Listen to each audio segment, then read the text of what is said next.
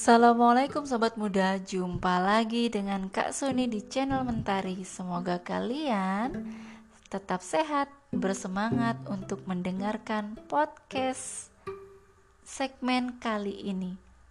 Masih tentang perpolitikan. Nah, kali ini Kak Suni akan ngebacain tulisan Kak Suni kisaran awal 2018 Pengen tahu? Iyalah, langsung aja ya. Hingar-bingar pesta demokrasi terdengar sejak akhir 2017. Peta politik dirancang, masing-masing parpol segera mencari dan menetapkan kandidat terbaiknya untuk bertarung pada pilkada dan pileg 2018.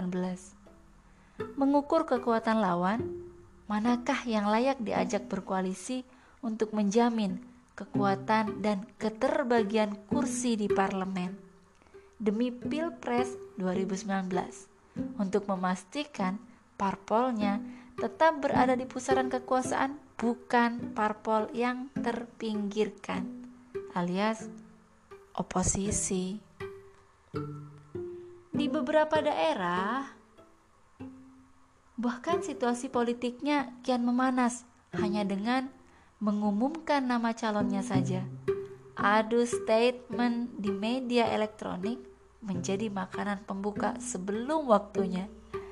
Media massa dan media sosial pun semakin meramaikan suasana prapesta. Demi siapakah kemenangan politik ini dirancang?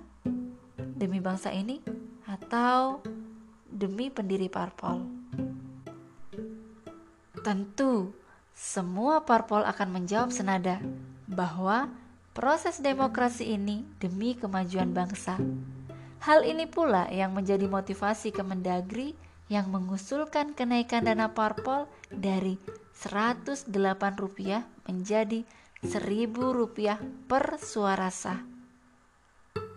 Kenaikan dana parpol tersebut tertuang dalam Surat Menteri Keuangan nomor 277 garis miring MK titik 02 garis miring 2017 Kenaikan dana parpol juga diikuti dengan revisi PP nomor 5 tahun 2009 tentang bantuan keuangan kepada parpol.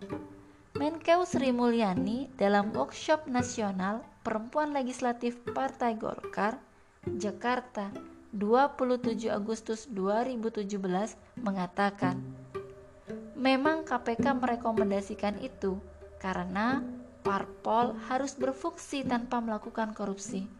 Kan banyak yang bilang, saya korupsi untuk partai saya, untuk ongkos politik. Dilansir dari detiknews.com 27 Agustus 2017. Pengeluaran dana yang besar merupakan konsekuensi pemerintahan politik. Ungkap Cahyo Kumolo, dilansir dari tempo.co 28 Agustus 2017. Bantuan dana parpol ini dimaksudkan untuk memutus mata rantai korupsi, seperti yang diungkapkan Wiranto. Parpol tidak harus mencari dana lain yang barangkali akan berurusan dengan masalah pelanggaran hukum. Tempo.co 10 Juli 2017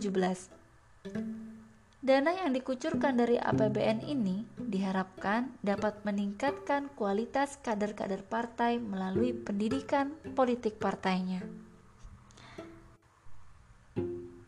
Mahalnya proses demokrasi yang terus membebani APBN di mana penyumbang terbesarnya adalah rakyat ditambah kualitas kader yang hanya terdidik semasa menjelang pilkada, pileg, dan pilpres, dapatkah diharapkan menjadi pemimpin negeri ini?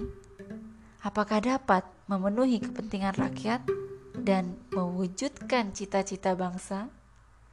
Hanya sistem politik Islam yang mudah dengan biaya murah berorientasi kepentingan rakyat.